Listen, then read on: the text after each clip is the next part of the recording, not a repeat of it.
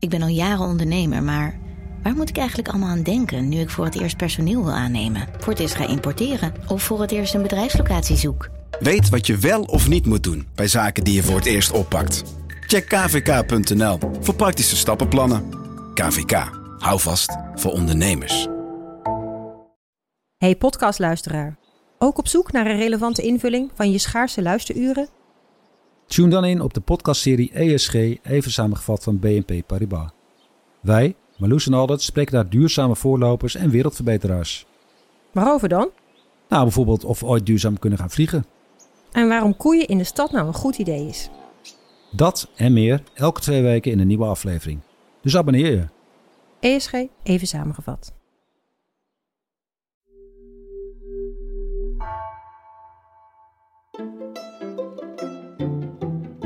Welkom, wij zijn Onbehaarde Apen. Dit is een podcast van NRC over wetenschap.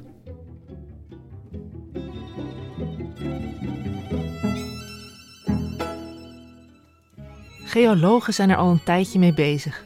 Het markeren van een nieuw tijdperk op aarde. Holoceen wordt Anthropoceen, om de enorme invloed van de mens op de aarde te benadrukken. Toch zijn niet alle geologen gecharmeerd van dit project. Te activistisch, zegt de een. Arrogant, zegt de ander. Waarom ligt het benoemen van het Anthropoceen zo gevoelig? En hoe activistisch mag de wetenschap eigenlijk zijn? Mijn naam is Gemma Venhuizen en vandaag zit ik in de studio met redacteur geologie Marcel Aandebrug. Hoi. Hoi. En met wetenschapsredacteur Hendrik Spiering. Hallo. Hoi. We gaan het hebben over het Anthropoceen en over dat activisme. Maar eerst ben ik benieuwd, Marcel. Jij bent deze zomer in Polen geweest om daar een, een soort, ja, wat moet ik zeggen, een klomp aarde te bekijken. En dat als, al, al, om, omdat dat het bewijs van het Anthropoceen zou zijn. Dat was het. Ja, ja, een stuk veen van ongeveer 50 centimeter. En uh, dat was inmiddels moest ik daarvoor naar uh, Poznan in Polen. En dat stuk veen is afkomstig uit een natuurpark uh, dat op de Pools-Tsjechische grens ligt. En dat hebben ze met een grondboor of een schep hebben ze ja, dat. Een grondboor hebben ze dat, uh, hebben ze die kern, zoals ze dat dan noemen, gestoken. En lag die open en bloot daar of in een koelkast of hoe bewaar je zo'n stuk veen? Uh, nou, die moest natuurlijk heel goed beschermd uh, bewaard blijven, um, omdat dit een heel belangrijke kern zou kunnen worden. Um, hij was ingepakt in uh, aluminiumfolie en daarna nog een keer in vershoutfolie. En dat alles lag in een beschermende houten kist. Dat zou je thuis ook kunnen doen met aluminiumfolie. En, uh, dat zou je thuis, ja, zeker, zeker. En ze kon hem, dus ik was helemaal afgereisd naar Poznan om die kern te bekijken. Maar uh, hela ze kon hem helaas niet uitpakken, want hij moest, oh jee, oh jee, als die, uh, hij moest echt heel goed beschermd blijven. Je hebt alleen maar dat houten kistje heb jij zien liggen daar. ja, maar je wist dat daarin dus een heel bijzonder stuk veen lag. Ja, precies. En uh, van, van hoe diep hadden ze dat gehaald? Wat, Vanaf de oppervlakte vanaf tot, weet ik wat, 80 centimeter diep hebben ze gestoken. En het ging dan om de bovenste 50 centimeter.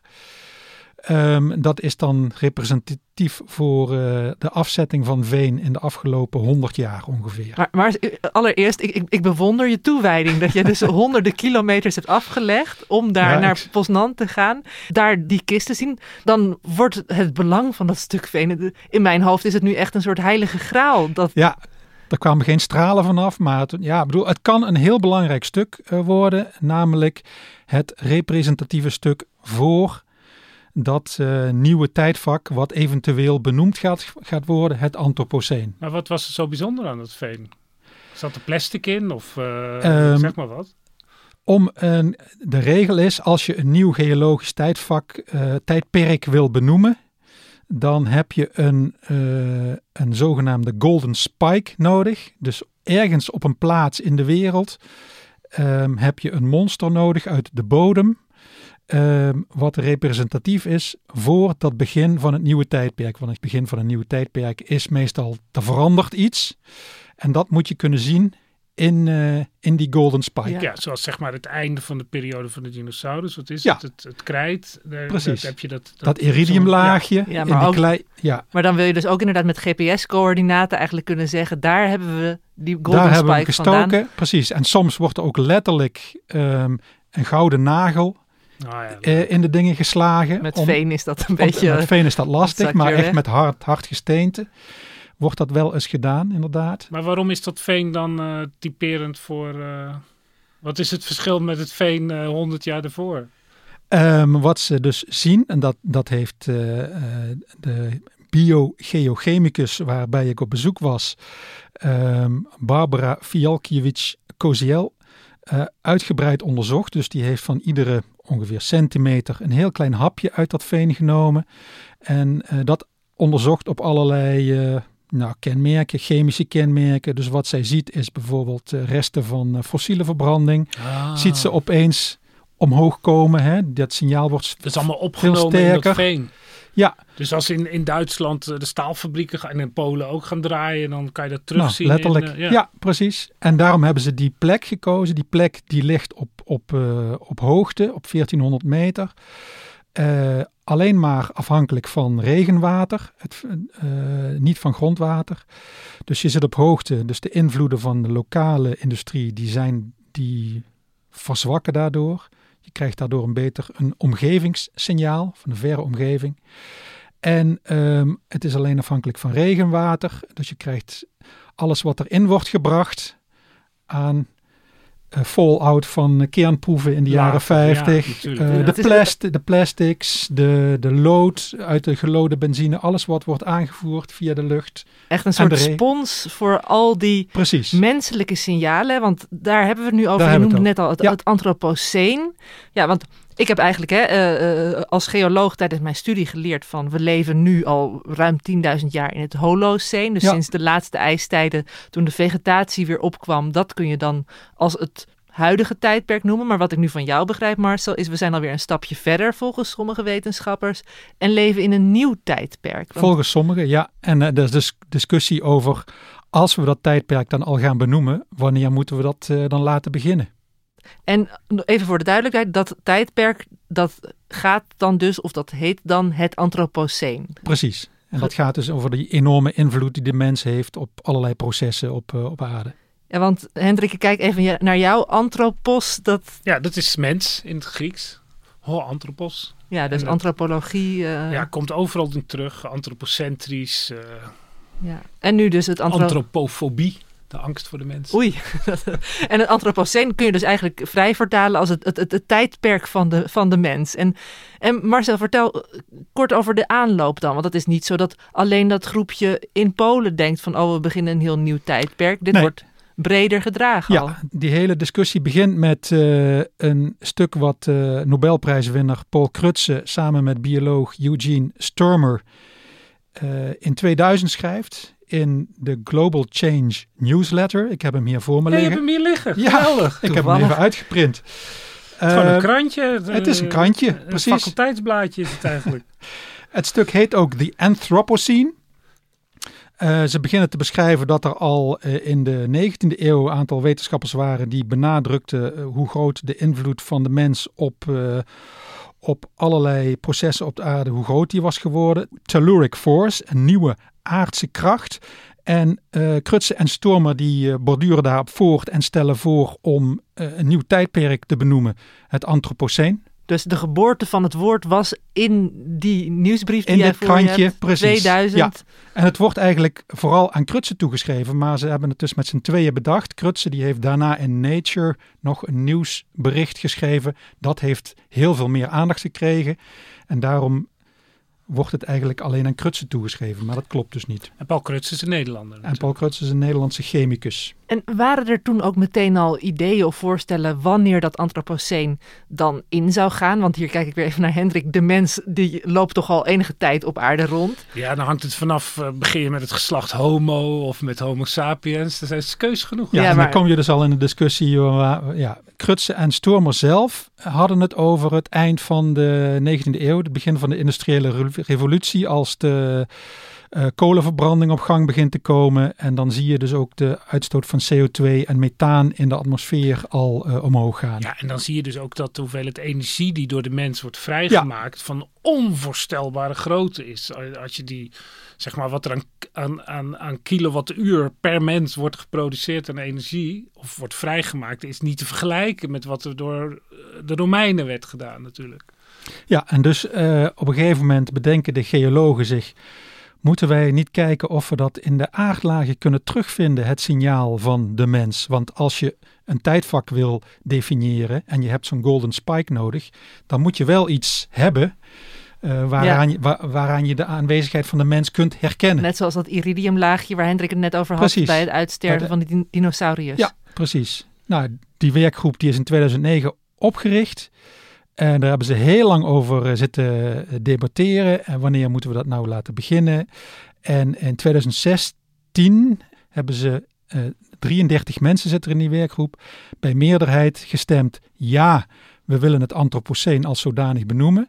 En het begint rond 1950. En dan denk ik meteen aan atoom, aan, aan, aan kernproeven. Ja. Is, is dat dan het laagje? Dat was bijvoorbeeld uh, een van de uh, signalen die je daarin kunt aantreffen, maar ook het opkomen van plastics, uh, fossiele verbranding, dus de resten daarvan, uh, gelode benzine, dus loodresten, ehm, het uitvinden van kunstmest, waardoor je een soort stikstofsignaal krijgt.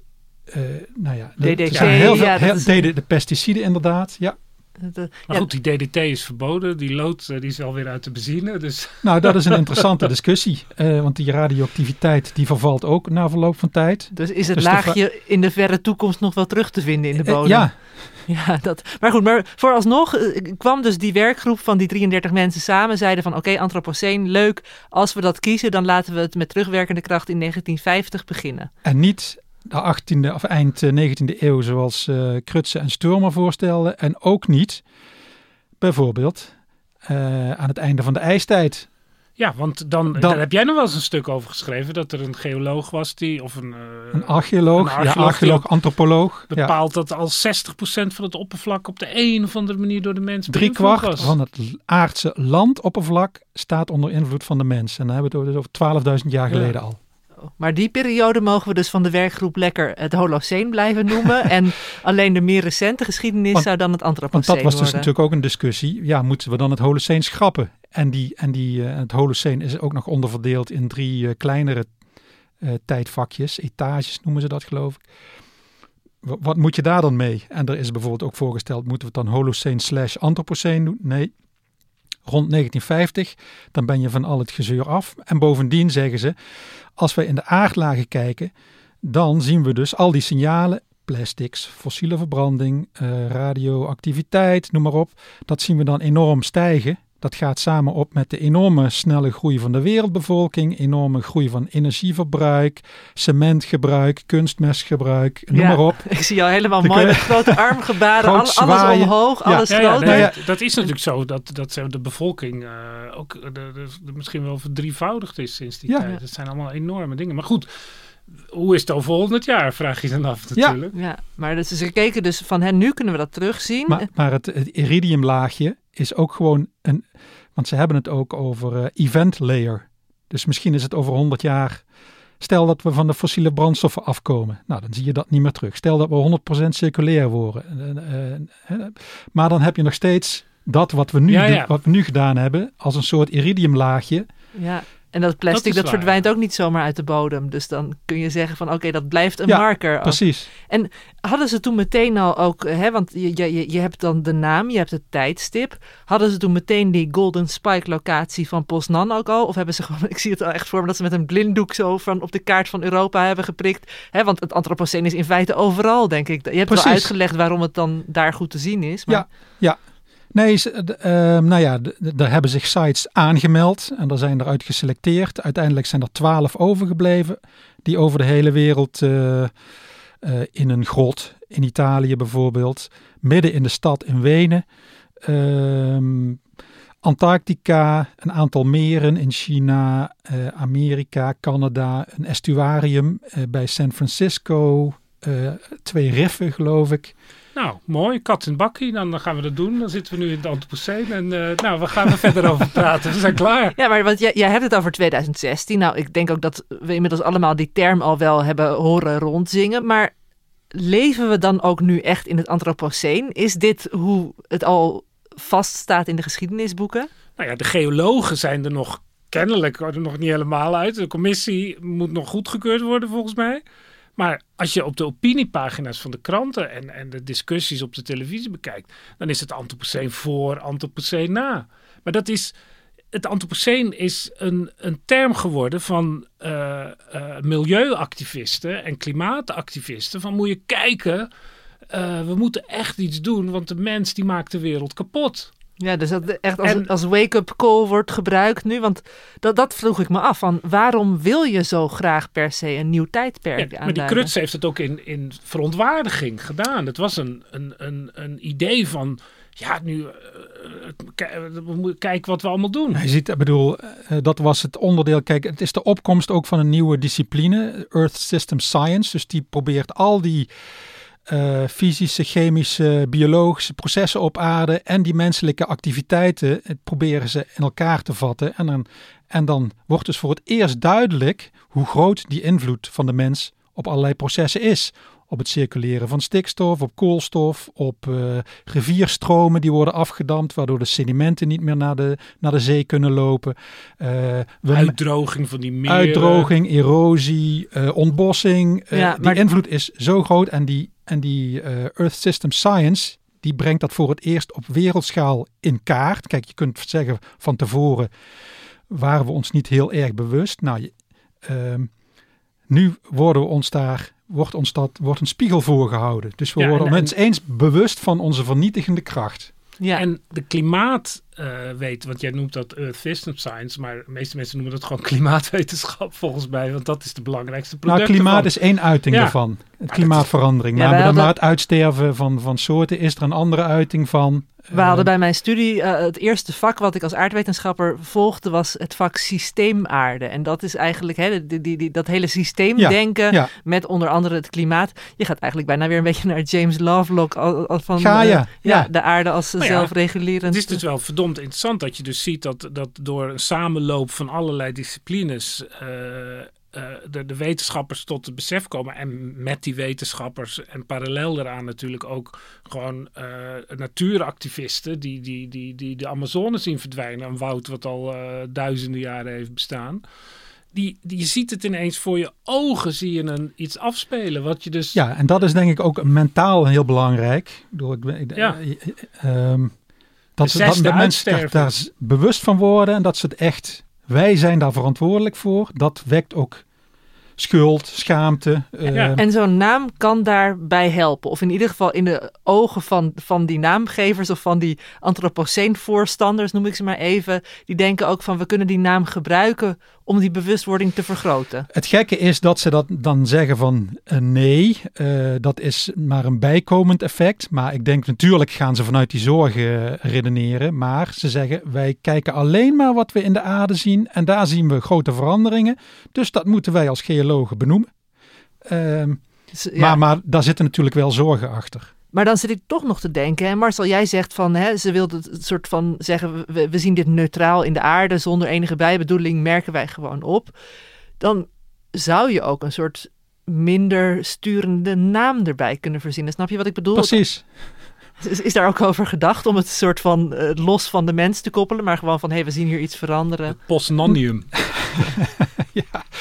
Uh, nou ja, uh, Krutse en Stoerma hebben het zo benoemd, niet wetende dat de geologie zich daarna, eh, daarover zou gaan buigen en die naam ook zou uh, claimen. Er zijn ook allerlei alternatieve namen inmiddels geopperd. Capitolocene, om, uh, want dan kom ik op een van de kritiekpunten van de tegenstanders, die dus niet willen dat de geologen dat antropoceen zo formaliseren. Namelijk, het is het tijdvak, tijdvak van de mens. Nee, het is de tijdvak van een bepaald soort mens. Oeh. Namelijk uh, de, Verkeerde mens.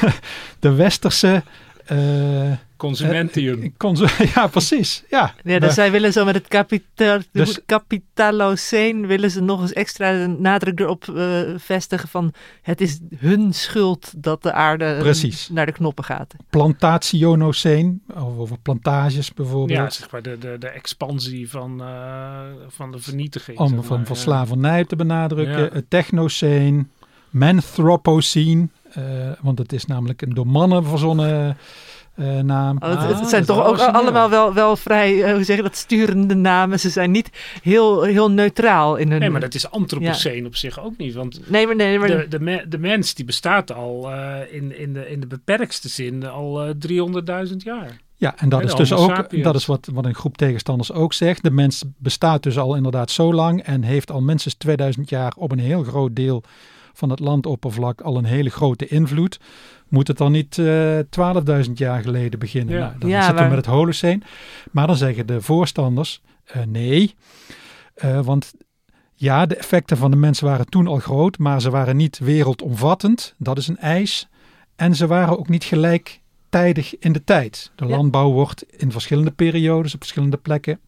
Eh, Maar dan is het Colonoceen misschien het beste. De, de verspreiding van het westerse industriële pakket over Nou. de wereld. Maar ook daar, want eh, Marcel, ik hoor je nu al een paar keer zeggen de tegenstanders. Hè, dat, eh, het is dus duidelijk, er is die groep van 33 die de Anthropocene werkgroep was. ja, maar die zijn niet allemaal voor. Oh, die zijn, die zijn ook al niet allemaal voor.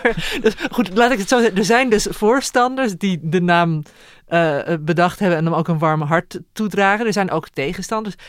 Wie, wie zijn die tegenstanders? Zijn geologen, hebben Nou, die, die- zich in die- twee kampen opgedeeld? Eh, daar zitten geologen bij de, te- bij de tegenstanders. Ehm er zit ook nou, die Earl Ellis die ik net noemde. Die, eh, dat is een archeoloog, antropoloog. Eh, die zat ook in de werkgroep, of die zit in de werkgroep. Die is tegen, ehm, nou, ze zijn er andere mensen in de, in de werkgroep. Het is een, een breed, ehm, ja, allerlei disciplines, maar de, de humanities zijn wel sterk vertegenwoordigd. eh. Ja, dus het is eigenlijk al lang niet meer alleen een geologisch concept. Hè, wat Hendrik eigenlijk ook al zei. Het is, Nee, wordt al breed. eh, Nee, maar breed vanaf het begin was het al een activistisch proces van, van Kruts. Die, wat jij zegt, eigenlijk verbaasd. Hij is helaas overleden een tijd geleden. Maar Ja. verbaasd zou zijn dat het nu als, het zo serieus als geologisch tijdperk Ja. eh, werd gezien. Nee, maar er dit- wordt ook van alles onder. De ene, de ene eh, praat er in termen van eh, pessimisme over, de andere in een soort van, nou, dit is dan weer een kans om, om problemen op te lossen. De, het is een heel breed spectrum aan hoe dan, waar het antropoceen voor staat. Ja, want ik begrijp wel dat uit- vanuit de humanities wat meer kritiek komt. Omdat die zijn natuurlijk enorm gevoelig voor eh, wat is het motief achter zo'n term. Ja, En, en hè, dat je dus al mensen hebt die zeggen, ja, waarom heet het dan niet het mentropoceen? Omdat het vooral mannen waren die die Ja. industrie eh en een woord doet ertoe. Ja, Ja. dat de, de kracht van woorden. Dat je dus, want ja, jij vroeg nou net, leven we nou al in het antropoceen? Ik denk als je mensen op straat zou vragen, ja, ik denk dat die term nog niet heel erg verspreid is. Maar Nee. dat heel veel mensen, als ze die term horen, ja, we leven nu toch in het tijdperk van de mens. Ja, mensen er los van, de, van Veen en Poznan natuurlijk. Maar Ja. dat het idee dat de mens eh, de, die, de, de natuur eh, totaal eh, naar zijn hand zet, slash aan het vernachelen is. Dat, dat is toch Dat een- wordt wel breed gedragen. Dat is- november- Sterker ja. nog, dat wordt zo benadrukt dat heel veel eh, kinderen helemaal pessimistisch van school komen en denken alles is verloren. Ik bedoel, dat is de andere Ja, kant. Dat is Zeker. ook weer de kracht van, van woorden, ja.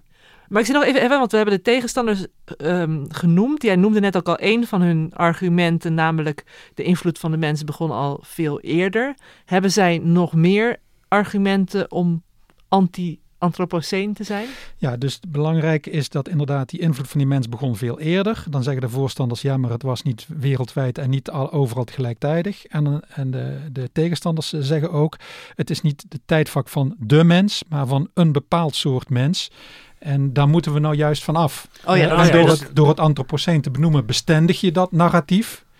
Ehm, maar daar willen we juist van af. Ja, we willen juist van die, we willen weer naar het natuuroceen.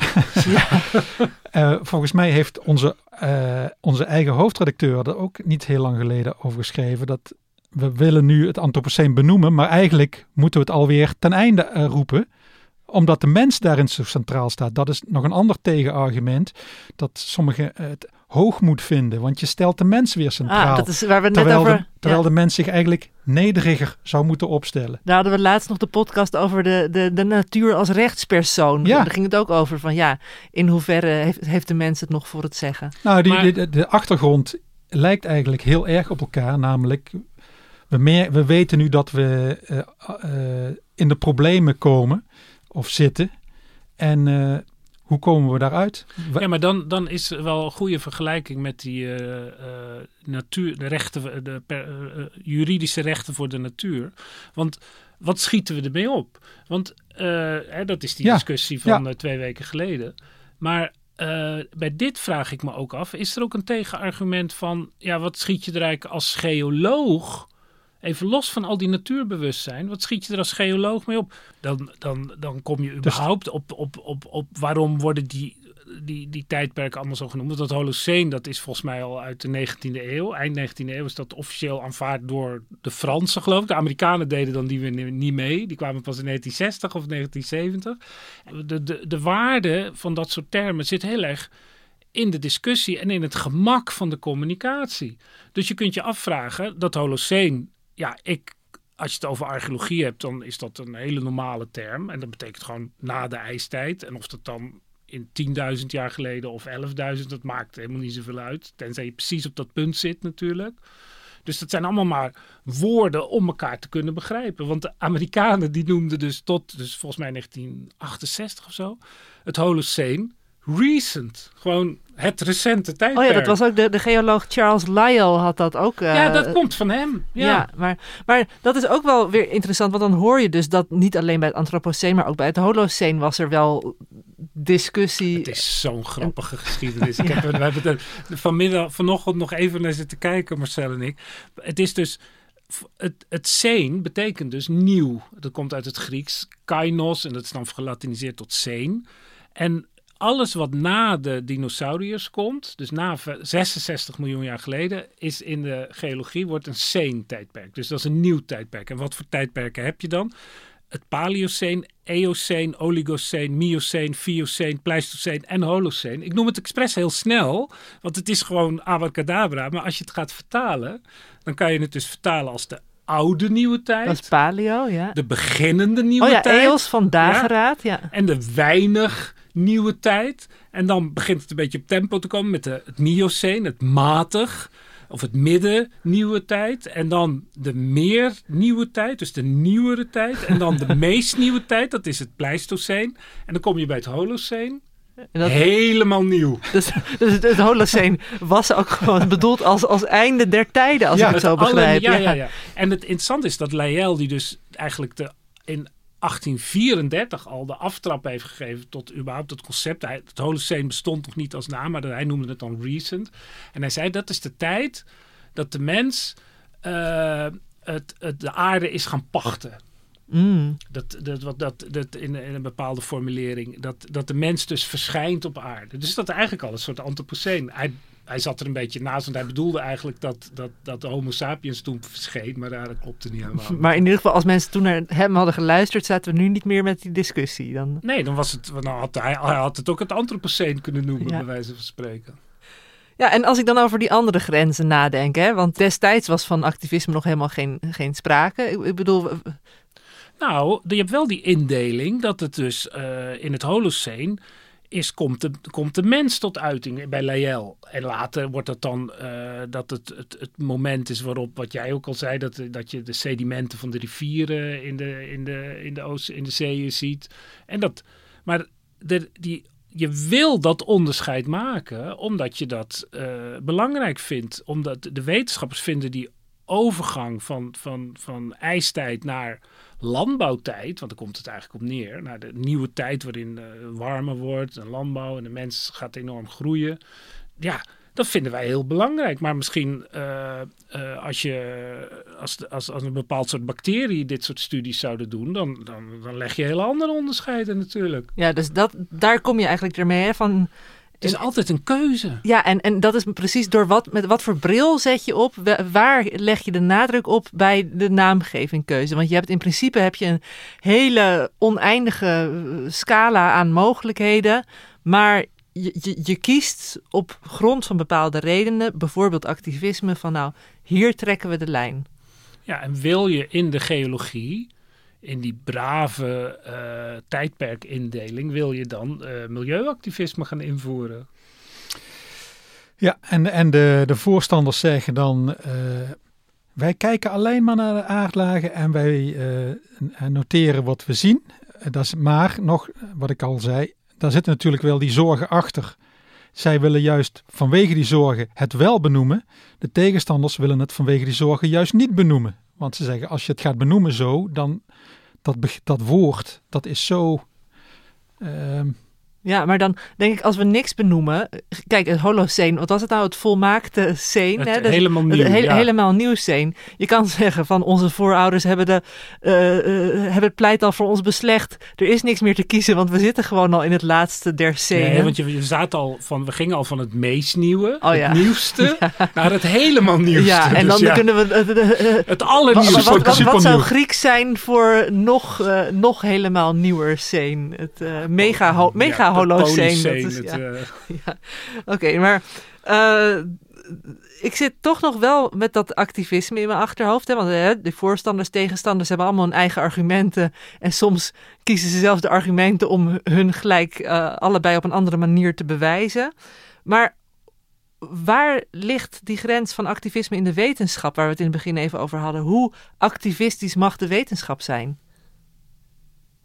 Heeft iemand daar Ja. iets ja, goede Ja, je mag- vraag. eh, ja, dat is een goede vraag. Ja. Ik denk dat je als eh, je mag, je, ja, ik kan me niet voorstellen dat, eh, dat er geen activistische wetenschappers zijn. Die zijn er natuurlijk. Nee, het is onmogelijk. En het is onmogelijk, ja, denk En- ik. Alleen je moet de wetenschap goed blijven uitvoeren. Ik bedoel, Het dat is gaat, je, je, hebt, je hebt die drive van eh, het besef, en volgens mij is dat ook een, een totaal reëel besef, dat er, iets aan het, dat er iets veranderd is in de manier waarop de aarde functioneert. En ik vind dan de- klimaatinvloed het, het grootste. En je hebt dan nog die, die zesde uitsterving, dat er dus door al die eh, biotoopvernietiging eh, zoveel dieren uitsterven. Ja, en planten. en planten. Er gebeurt natuurlijk van alles. En ja, er is niks op tegen, vind ik, als je dat ziet, om dat te benoemen. Zo werkt de wetenschap. Je Nee. ziet een nieuwe kikker, je denkt, die geef ik een naam. Maar tegelijkertijd wil je natuurlijk ook objectief zijn Maar het gaat om de argumenten. Het Ja. gaat totaal om de argumenten. En nu hebben we een soort padstelling volgens mij van ja, welk argument gaat de beslissing geven? En ja, op, op een gegeven moment wordt er dan, ik vind nou dit geval vind ik het ook eigenlijk vrij willekeurig. Jan Antopsene invoeren, daar zijn goede argumenten voor. Kan het ook niet doen, zijn ook goede argumenten. En wat maakt het uit? Als je het invoert, dan, dan is zeg maar een algemeen taalgebruik voer je in binnen de wetenschap. Hè, want wij hebben het wel over het antropoceen. Van, ja, dus de, de- onze dat de tijd dat, dat de Amazone wordt verbrand. En, en dat de CO2 omhoog schiet. En eh, ja, als je dat nog niet doet, dan, dan, ja, dan noemen we dat het heden. Ja, wat maar- maakt het uit? Ja, precies. En dat is, want soms wordt er ook wel eens eh, in wetenschappelijke artikelen nu sowieso al tussen haakjes bijgezet eh, over de periode na 1950. Dus Ja. dat levert iets meer woorden op dan alleen maar kortweg antropoceen. Maar Als je het nodig hebt, dan ga je het gebruiken. Dus Ja. als er wetenschappers zijn die een onderscheid nodig hebben tussen voor 19, of voor mij op 1900 of 1800. Je hebt in, in, in de geschiedschrijving is het natuurlijk heel bekend dat je die indeling hebt: oudheid, middeleeuwen, nieuwe tijd, nieuwste tijd of de renaissance. ja, en de middeleeuwen is wel super handig, want dan weet iedereen ongeveer waar je het over hebt. Het is verschrikkelijk onhandig, omdat eh, eh, als je dus. Het is een, een, een, een tijd, tijdindeling die ingevoerd is op grond van totale vooroordelen over die tijd. Hè. Het middeleeuwen, tijd waarin eigenlijk niet zoveel gebeurde. ja, ook daar heb je de inderdaad wel weer middel. Dat klinkt niet Ja. als eh, de, de volledig nieuwste eeuw. En- ja. En de renaissance, dan komt, komt de beschaving, hij leeft weer, zeg maar. ja, die wedergeboorte. Ja, maar goed, de is- verlichting, dat is ook zo'n sturende term eigenlijk. Ja, maar het is onuitroeibaar en je kan er toch mee werken. Ondanks al die vooroordelen die erin gebakken zitten. Nou, dus, en het is ook die, dat, dat zelf ervan bewust zijn. Ik, ik sprak ooit met een onderzoekster die zei van ja, iedere wetenschapper die heeft bepaalde voorkennis of bepaalde ideeën waardoor je blik gekleurd wordt. Maar ehm, je moet je daar in ieder geval gewoon van bewust zijn. Of daar, daar open over zijn. Ja, en je, soms ben je daar natuurlijk ook helemaal niet van bewust. eh, omdat eh, eh, heel veel historici zijn zich totaal niet bewust. Ja, bij die middeleeuwen is zo uitgediscussieerd, dat weten ze dan wel. Maar allerlei andere periodiseringen, ja, dat vind je allemaal heel normaal. En dat denk je helemaal niet meer na. Maar dan blijkt dan, en dat is dan die, die, die, die, dat wereldbeeld wat dan in die termen meezit. Wat je dus bij de Anthropoceen, sommige mensen vinden het dan juist goed dat dat wereldbeeld wordt uitgedrukt. Anderen vinden het dan weer het verkeerde wereldbeeld. Maar ja, je neemt dat mee en door de debatten die je erover voert, dat mensen zeggen, ja, Als je nou de Anthropoceen noemt, dan kan je beter het, het, het Capitoloceen, want het is helemaal niet de schuld van de mens. Het is de schuld van het kapitalisme. Ja, Nou, maar interessante kwestie. Wat ik wel interessant vind, is ook dat, hè, dat het misschien bij de, bij de geesteswetenschappen, dat het al wat, wat duidelijker of al wat, wat, wat, wat, wat langer is dat er, dat er over bepaalde termen wordt gediscussieerd. Nou, wat ik wel weet is, eh, mijn vrouw is, eh, is, is, is weer gaan studeren, culturele antropologie. En ik weet dat ze nu bij de studie heel veel eh, aandacht geven aan de positie van jou als onderzoeker. Maar in de antropologie is dat natuurlijk altijd al een punt geweest. Want wat is antropologie? Je gaat als, als, als westeling met bij wijze van spreken een hoge hoed op in de 19e eeuw ga je naar een, een wilde stam. En Ja. dan ga je eens kijken hoe ze het daar doen. Ja. En dat schrijf je dan op. Dus Ja, dat is al. En de beste antropologen, dat zijn vaak de antropologen die het meest literair kunnen schrijven. Maar in de natuurwetenschappen is het nog wel een. een, een- een- voor- voor- in ieder geval toen ik studeerde, was het nog wel heel erg. Je moet je als, als onderzoeker helemaal eruit filteren. En ik denk dat nu misschien langzaam met dat hele systeem aarde denken. het besef komt. Je kunt je uit geen enkele wetenschap kun je je als Nee. onderzoeker eruit filteren. En Nou, al, al, al in de keuze van wat ga je onderzoeken. ja. Ja, maar de- kijk, op een gegeven moment, dat vind ik het grote verschil. Als je dus, eh, ik vind de discussie over leven nou in het Anthropoceen of niet, dat is een, vind ik een discussie, dat is een term.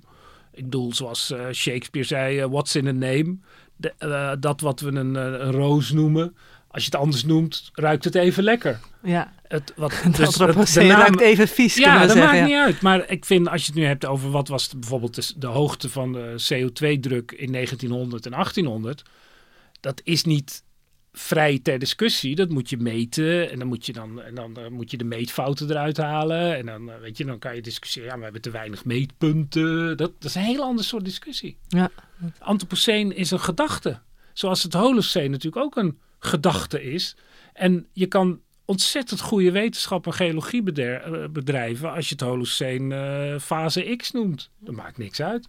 En toch ben ik nog wel benieuwd, Marcel, want jij bent helemaal naar Poznan gereisd. Je hebt dat mooie in aluminiumfolie en hout ingepakte Ja, en dan stuk zeg ik dat het niks uitmaakt. Ja. Hoe, hoe, hoe denk jij erover? Had je er van tevoren, dacht je, yes, ik ga naar het begin van het Anthropoceen? Of eh, was je er zelf juist sceptisch over? En, Ja, ik heb eh, eh, voor, voordat ik daar naartoe ging heel veel gelezen van de tegenstanders. Dus ik ging daar inderdaad naartoe met een idee van nou, eh, dit heeft totaal geen zin. Het is flauwekul. Eh, toen sprak ik dus met eh, de onderzoekster en eh, die bracht haar argumenten in. En toen Ja. dacht ik van, oh, nou ja, er is er ook wel wat eh, voor te zeggen. en nu hoor je Hendrik en, En nu denk je, ach, wat maakt het eigenlijk allemaal uit? Nou, en eh, ik wil nog wel iets aan toevoegen aan wat Hendrik zei. Een paar jaar geleden heeft een, eh, een hoogleraar van Oxford een mooi eh, review geschreven over het hele concept antropoceen. En eh, hij vraagt zich dan op het, op het eind ook af, wat is mijn persoonlijke visie? En hij zegt, ehm, het zou kunnen, waarschijnlijk als het geologisch wordt geformaliseerd, dat het beter beklijft, dat die term ook is vastgelegd. Dus het zal niet zo snel verdwijnen, de term. Maar voor de huidige discussie is het totaal irrelevant.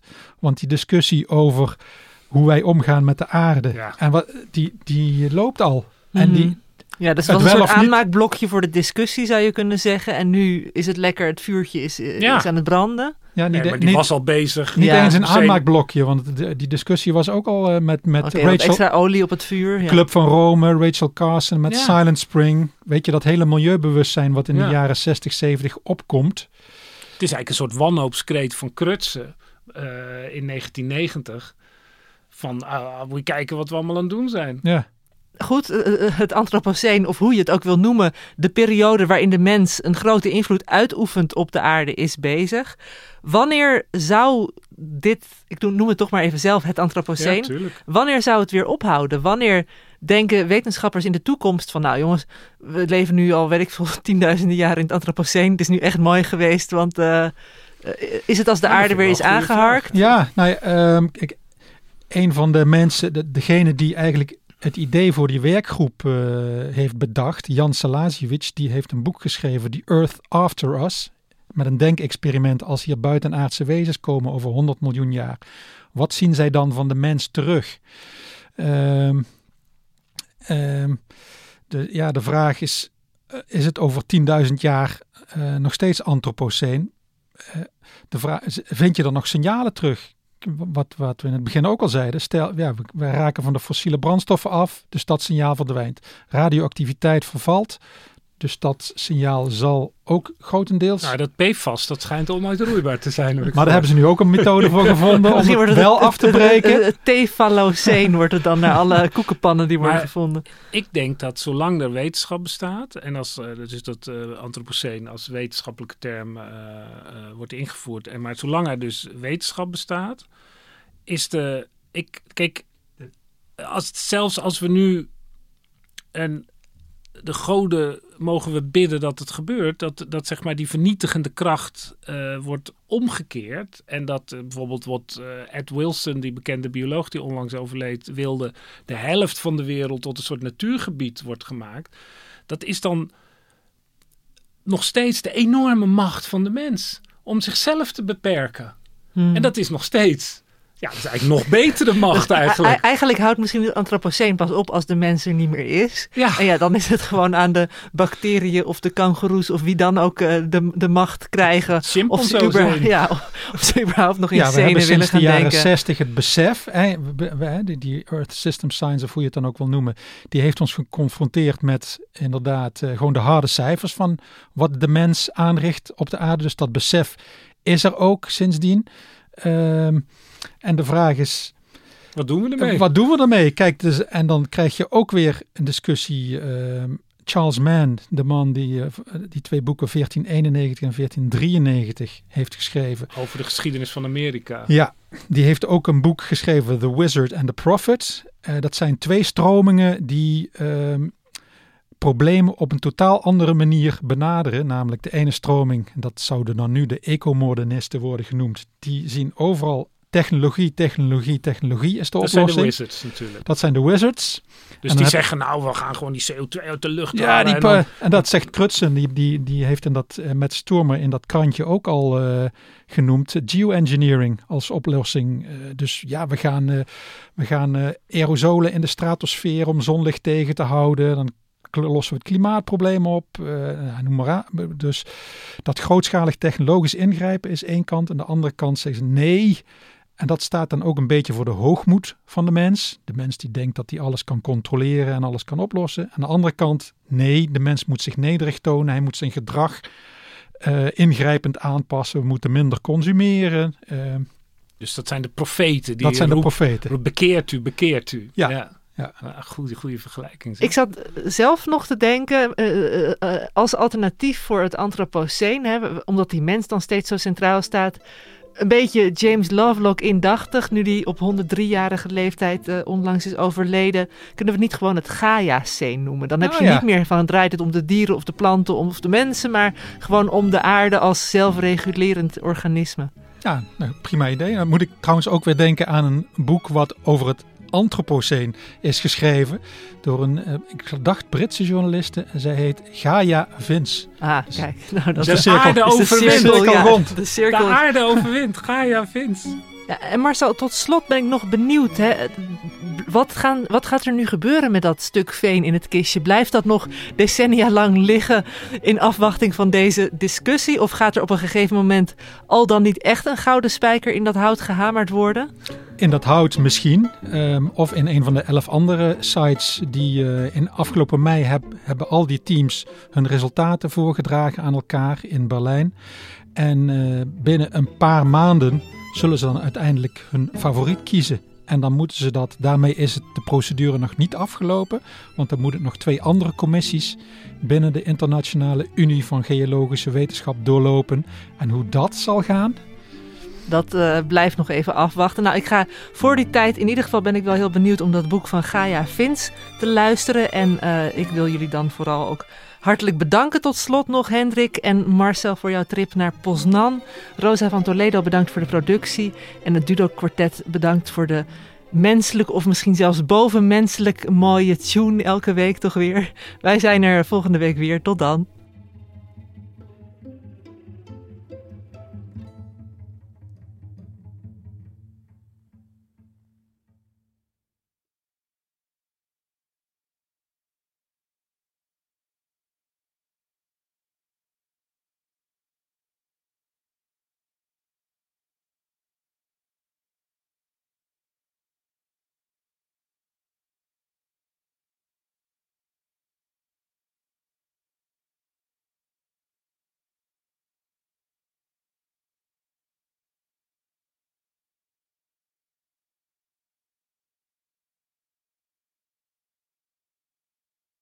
Technologie lijkt tegenwoordig het antwoord op iedere uitdaging. Bij PwC zien we dit anders. Als we de potentie van technologie willen benutten, kunnen we niet zonder een menselijk perspectief. Human-led, tech-powered noemen we dat. Ga naar pwc.nl.